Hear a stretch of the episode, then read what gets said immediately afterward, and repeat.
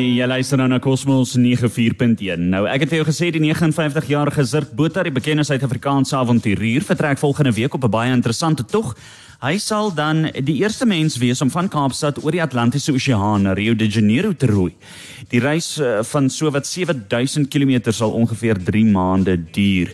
Zirk wil met die projek die kollig plaas op hernubare energie en hy praat vanoggend eksklusief met Cosmos 94.1. Zirk, goeiemôre.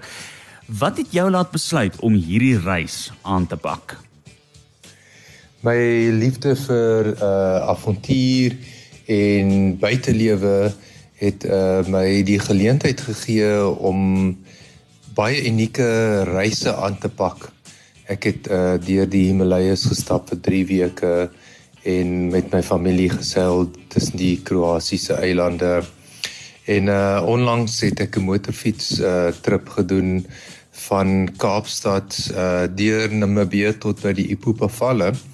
En tydens al hierdie ondervindinge was ek bevoorreg om areas te besoek wat heeltemal uh uh uniek en skoon is wat nie besoedel is met uh plastiese sakke en en en daai tipe van gemors nie.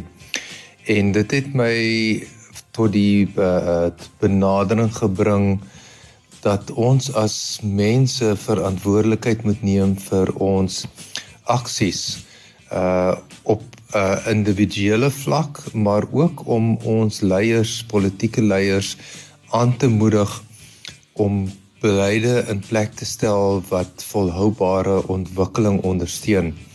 En en dit is my motivering vir my roei van Kaapstad na Rio is om die boodskap te versprei uh dat mense moet kyk na maniere om hulle dag dag tot dag optrede en aksies uh uh so te uit te voer uh dat dit respekvol is vir ander mense en en ook vir die planeet.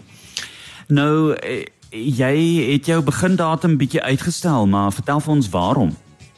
My wegspringdatum is beplan oorspronklik vir 1 Desember.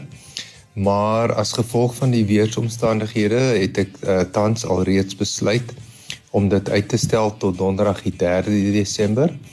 Dit is belangrik dat wanneer ek by Kaapstad wegtrek, ek goeie weer het sodat ek oor die skeepsvaartroetes kan uh, navigeer en ook ver genoeg kan kom van die kus sodat uh, indien die wind sou verander om van 'n uh, suidwestelike of westelike rigting te waai, ek nie weer teruggewaai word tot tot op die kus in 'n 'n gevaarlike situasie nie.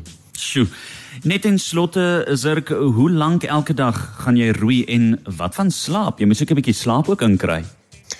Ehm um, ek beplan om so 14 uur 'n dag te roei, vir tussen 14 en 16 uur dit is nie van 'n uh, 'n roei almekaar nie. Ek sal dit opbreek in in 2 uur sessies waarvan ek uh, 'n uur en 'n half sal roei en dan 30 minute sal gebruik om bietjie te staan, my bene te rek, uh iets te drink en en iets te eet.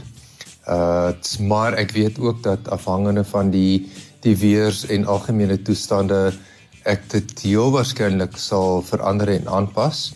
Ek dink baie keer beplan ons iets in die teorie, maar dan wanneer jy dit moet toepas in die werklikheid besef jy dat daar is beter opsies uh om dit te te, te doen.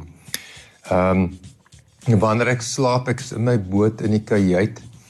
Uh dis nie baie spasie nie, maar dit is genoeg vir my om te lê en te kan uittrek. Uh ek het uh uh, uh, uh veiligheidsgordels uh wat ek om, om my kan vasbind sou die weer onguurig wees uh en die boot miskien bietjie rondstamp of of dalk ook rol. Die boot is gebou op die beginsel van 'n uh, reddingsboot. So sou dit omrol en robbe weer sal die boot self weer regop kom. Kosmos 94.1 Namibia se nommer 1